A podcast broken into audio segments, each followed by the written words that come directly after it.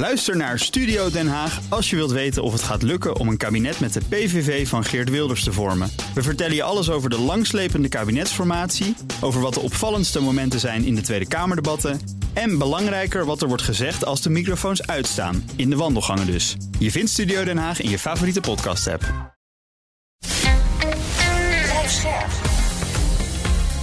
BNR Nieuwsradio. Boekenstein en de Wijk. Hugo Reitsma. Welkom bij Boekenstein en de Wijk. Het is maandag, dag 607 van de oorlog in Oekraïne. Dag 17 van de oorlog in Israël en Hamas. En uh, ik denk dus ongeveer dag 16 van mijn twijfel over hoe we deze update inmiddels moeten noemen. ja. en uh, en waar, waarmee te beginnen?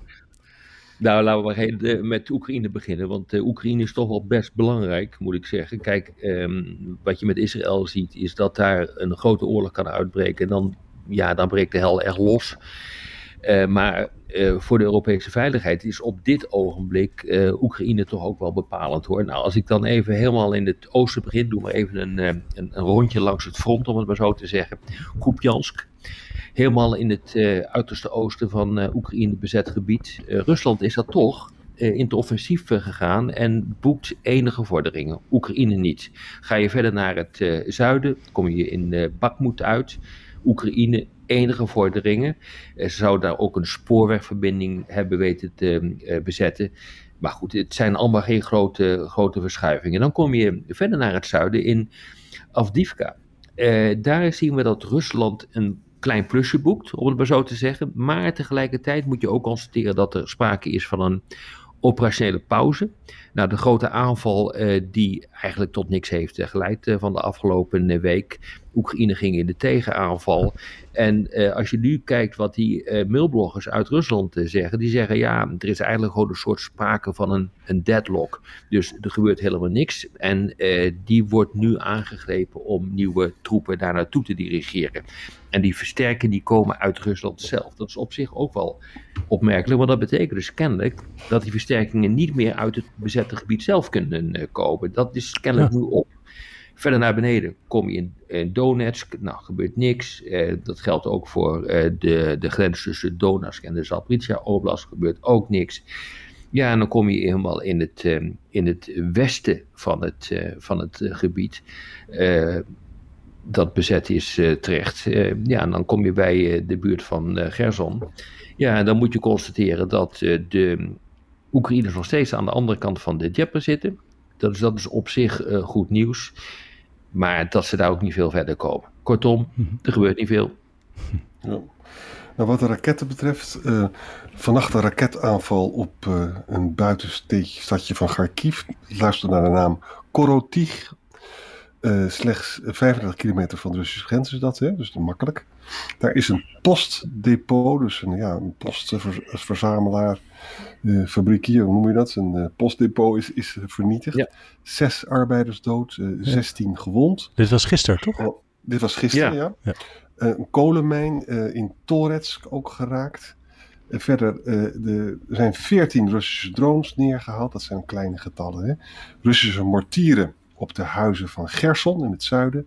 Drie drones neergehaald. En de Russen zeggen, claimen dat ze drie Oekraïnse raketten hebben neergehaald op weg naar de Krim. Ik zou zo graag willen weten welke raketten dat zijn. Hm. Maar dat staat er dan niet bij. Hm. Hm. Overigens, uh, nu we het toch over de grond hebben, eigenlijk over het water.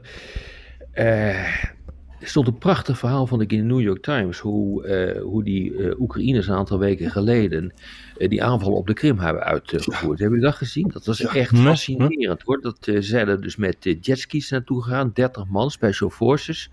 100 kilometer over het water. water. Uh, dat leidde tot twee aanvallen binnen zes uh, weken op deze manier. Um, en dat heeft ertoe geleid, en daar wil ik het toch even memoreren, want ik heb net gezegd, ja, er gebeurt op de grond niet zoveel. Maar op het water is er wel degelijk veel gebeurd. Hè? Ja, dus dat heeft uiteindelijk deze operaties geleid tot het terugtrekken van tien oorlogsschepen uit uh, Sebastopol door uh, Rusland. En die zijn helemaal aan de andere kant van uh, de Zwarte Zee nu geparkeerd. En dat heeft grote gevolgen voor Rusland en grote gevolgen voor Oekraïne, die daardoor een deel van zijn graanexport weer overeind kon krijgen. Um, daarnaast zag je dan ook dat raketten tegen bruggen werden ingezet nabij de Krim door Oekraïne. Ik ben heel benieuwd wat er nu gaat gebeuren met die ATACMS, of die ook in deze strijd worden ingezet. -hmm. Ja, en dit heeft wel grote gevolgen hoor, um, omdat ja, Oekraïne toch de, de overhand lijkt te hebben als het gaat op dit ogenblik om die strijd rond de Krim. dus je weet ook nog dat enige tijd geleden raketten zijn afgevuurd, dat was medio september, waardoor een onderzeeboot en een landingsvaartuig uh, in een dok. Uh, kapot zijn geschoten. Er is een commandopost geraakt van de Zwarte Zeevloot. Dus dit is echt wat, iets wat bijzonder is hoor, wat hier gebeurt. Ja. En ze kunnen die ATACMS nu ook inzetten natuurlijk. Hè? Ja, zeker. Daarom zeg ik het ook. Dus het is even de vraag wat er nou gaat uh, gebeuren. Um, en of uh, Oekraïne door middel van die ATACMS dit succes verder weet uit te, te buiten. Ja. Lavrov is vandaag in Teheran. En daar, daar, zijn ook, er zijn ook andere landen aanwezig die met, die elkaar niet zo graag mogen. Zoals Azerbeidzjan en Armenië zijn er alle twee. En ook de Turken. En ik denk, jongens, maar ik kan het allemaal niet bewijzen, dat daar dus met name ook over, dat, uh, over de Gazastrook wordt gesproken. Want het is heel duidelijk ja, dat Rusland erop springt. Hè? Ja, en Iran helemaal. Ja. Uh, dus dat, uh, en, en China overigens heeft ook de export van drones, commerciële drones, hè, beperkt. Mm -hmm. dat is, en dat komt heel slecht Oekraïne uit, want die koopt te veel in China. Ja, zeker. Ah. Ja. ja, kijk, weet je, wat ook, ja, je noemde net ja, dat die gesprekken uh, met Lavrov. Uh, wat ik ook bijzonder vond, is dat dus er een telefoontje is gepleegd tussen Zelensky en Erdogan over, een, over het vredesinitiatief. Ja. Oh. Uh, um, en de volgende week, als ik het goed heb, komt er een of ander vredesoverleg georganiseerd door Turkije. En dat telefoontje van Zelensky zou daar dus een, een voorbode van moeten zijn. Ik vind dat wel opmerkelijk, dit ja. nieuws. Ja. ja. Overigens, over het, het, het, verbinden van al die conflicten. Ik zat te genieten vandaag van een interview met een Amir Weidman. Dat schijnt een hoge pief te zijn binnen de Likud-partij in Israël. Hij had een mm. interview op Russia Today. En die zei, of schreeuwde eerder... Uh, Rusland steunt de vijanden van Israël en jullie zullen daar een prijs voor betalen. We gaan eerst winnen van Hamas en daarna zullen we ervoor zorgen dat Oekraïne wint van Rusland. Oh, ja. Ja, nou, ja. Stevige ja, taal ik bedoel, dat, dat, ja, er zijn wel haviken hoor, moet ik zeggen, in, uh, nee, nee. Uh, in, in, in, in, in, in Israël. Die ook uh, niet aan onderschatting van zichzelf lijden. dat, dat geldt bijvoorbeeld vooral voor Dior Galant.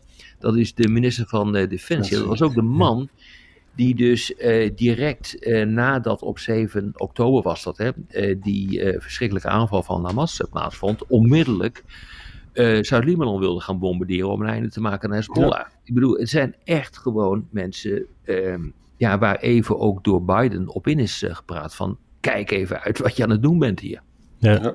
En die zei ook, we vechten in de Gazastrook niet tegen mensen, maar menselijke beesten. Ja, dat, dat ook. ja. Amerika heeft Israël gevraagd om die invasie uit te stellen. Dat wisten we eigenlijk dit weekend al. Hè? Ja. En, en er is nu ook een, een bezoek van senatoren dat wat is belangrijk. Hè? Amerikaanse senatoren die gaan naar Egypte, Saudi-Arabië en Israël. En Jack Reed is, de, is zeg maar de voorzitter van de Armed Service Committee, niet een onbelangrijke commissie. En die roept ook Israël op om de invasie uit te stellen. Want, ja. ja want hij, en dan zegt hij erbij: invasie zal erg lang duren. Amerika had er negen maanden voor nodig om IS uit te schakelen in hm. Mosul in 2017. En dat waren maar 8000 strijders. En nu hebben we met veel meer uh, te maken.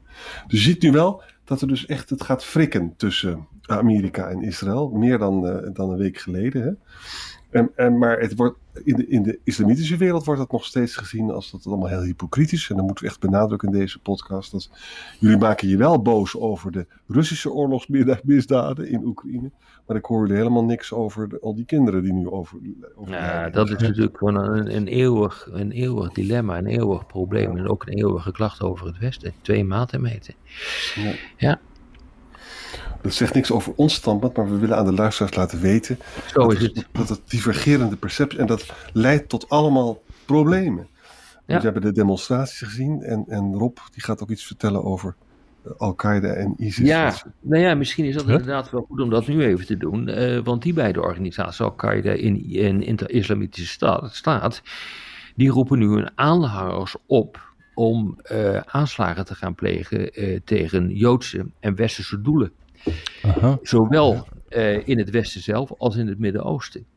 Ja, dat is niet fijn. Ehm, om het maar mild te, te zeggen. Ehm, het zijn ook organisaties uh, die uh, Hamas uitbundig gefeliciteerd uh, hebben met hun enorme succes. als Shabab, hè, dat, die kennen we nog uit Somalië, dat is een aanhanger van, van Al-Qaeda.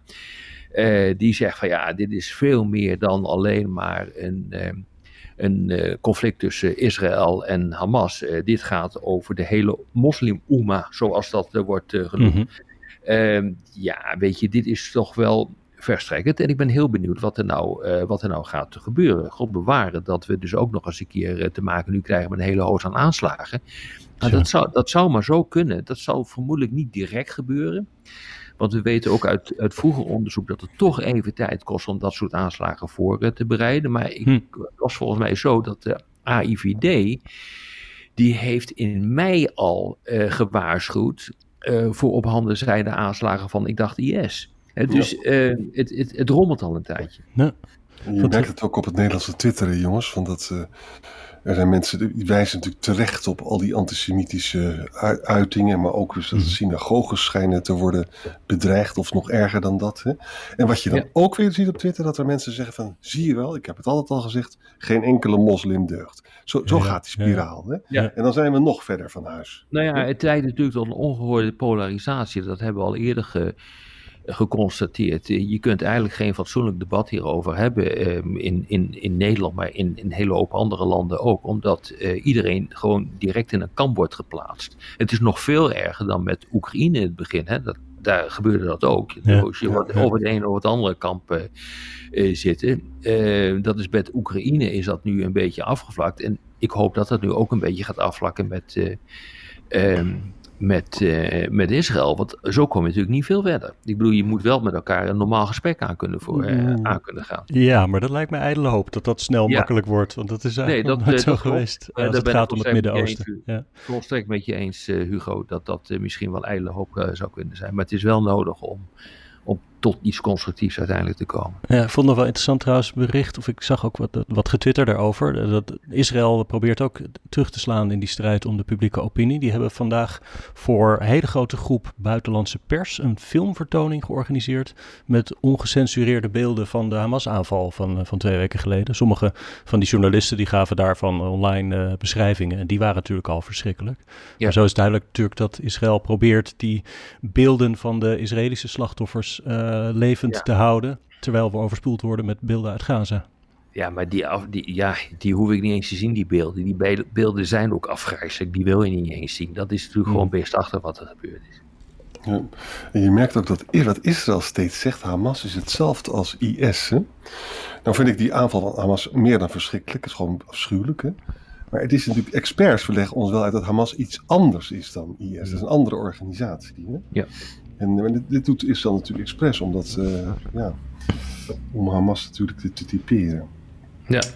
Moeten we het nog even hebben over eh, Netanyahu, de premier? Wat is er? Ja?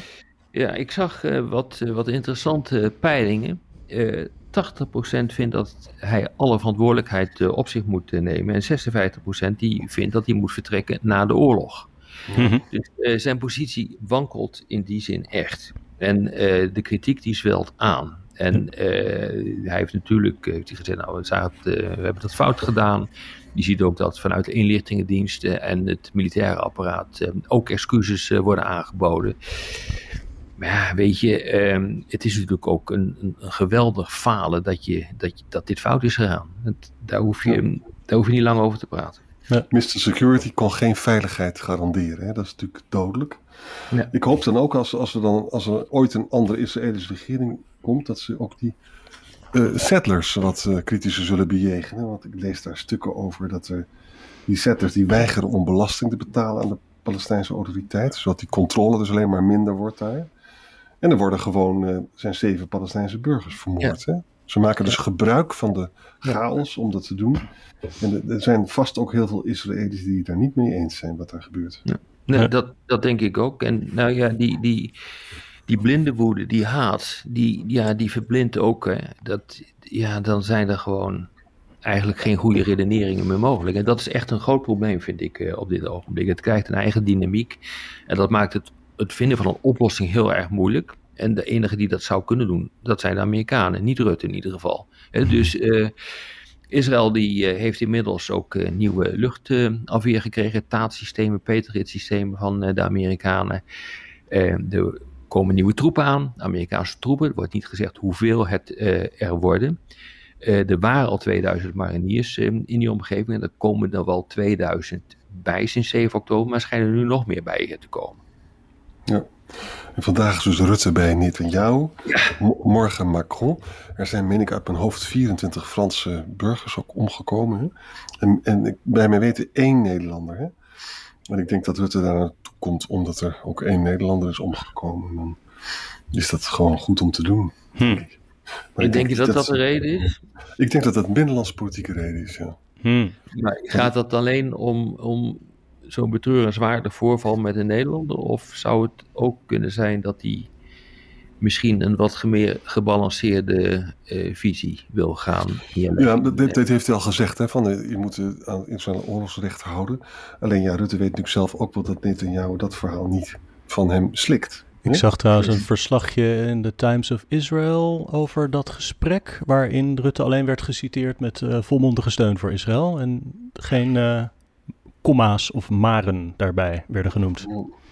Mm.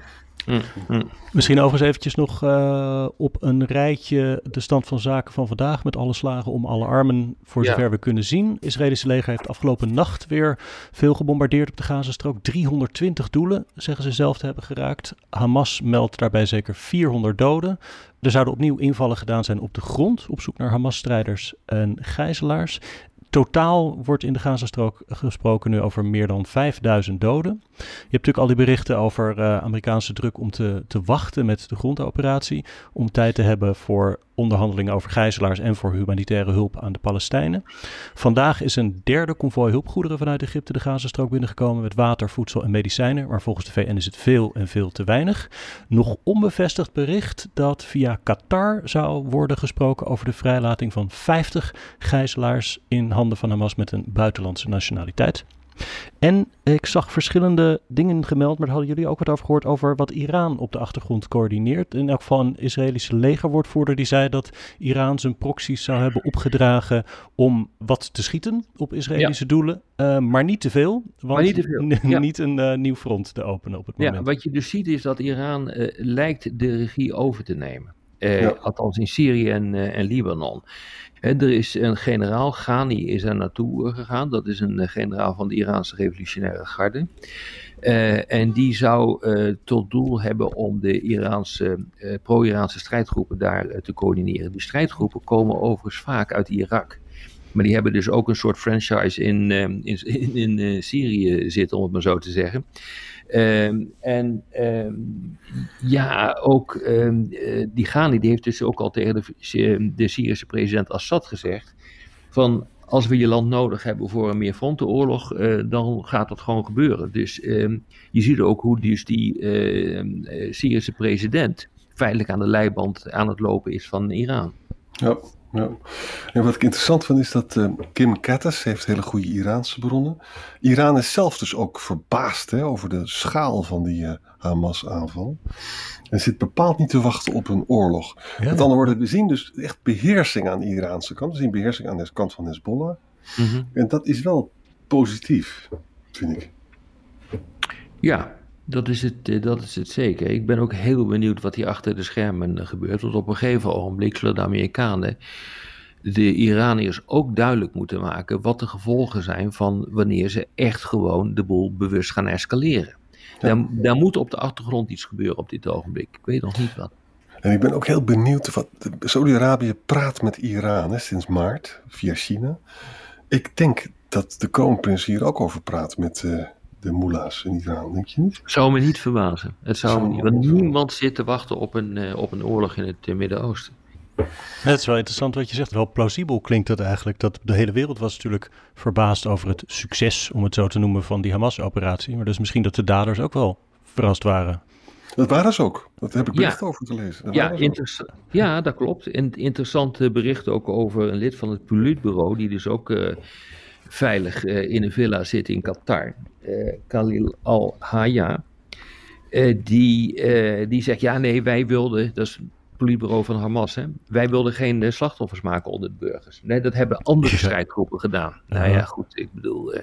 maar je ziet dus dat ik vind het wel interessant zo'n opmerking. Volgens mij slaat het nergens op, is het ook niet waar. Uh, want in ieder geval, hey, als, het, als ze het niet wilden, dan hebben ze in ieder geval hun eigen strijders niet onder controle. Maar het geeft ook aan dat hier dus kennelijk ehm, ja, iets aan de gang is, waardoor Hamas ook een opening biedt voor iets van een gesprek. Maar hm. misschien kan ik het helemaal fout hebben hier. Was dat dat interview waar die gegrild werd op de Saoedische televisie? Was het dat? Dat heb ik ja, dat, was, dat was fantastisch werkelijk. Ja, maar ook heel interessant dat hij dus op de Saoedische tv, een, een hele sterke vrouw die uh, interviewde, ja, een Hamas-kopstuk, ik haal ze een beetje door elkaar. Maar die zei dus bijvoorbeeld, waarom verwacht je van de Arabische wereld dat je meedoet met deze actie, terwijl je ook niet hebt overlegd met ons voor je deze ellende startte? En ook, hoe kijk je er tegenaan dat uh, Hamas wordt nu vergeleken met ISIS? De hele wereld ziet, uh, ziet beelden van verschrikkingen tegen Israëlische burgers. Dat leidt alleen maar tot sympathie voor Israël. Nou, ja. dat zat die man toch een beetje te hakkelen. Hij zat ontzettend te hakkelen. En die mevrouw, notabene een mevrouw, die grilde hem echt. En toen, en toen uh, Hand en Broeken die, die, retweette dat. En die, die, zei toen ook van, zou nu de Arabische bevolking worden klaargestoomd dat je ook niet alles van Hamas hoeft te slikken? Huh? Ja. Het is, echt, het is echt interessant hoor, wat daar gebeurde. Ja. ja. Uh, nou, andere dingen of hebben we alle ellende weer gehad? Nee, zo wel goed hoor. Ja, nou, tot morgen dan maar. Tot morgen. Tot morgen. Ook Diana Matroos vind je in de BNR-app. Ja, inderdaad. Je kunt live naar mij luisteren tijdens de Big Five. Ook handig in de BNR-app. Breaking nieuwsmeldingen, maar ook het allerlaatste zakelijke nieuws. En je vindt in de app alle BNR-podcasts, waaronder Wetenschap Vandaag. Download nu de gratis BNR-app en blijf scherp.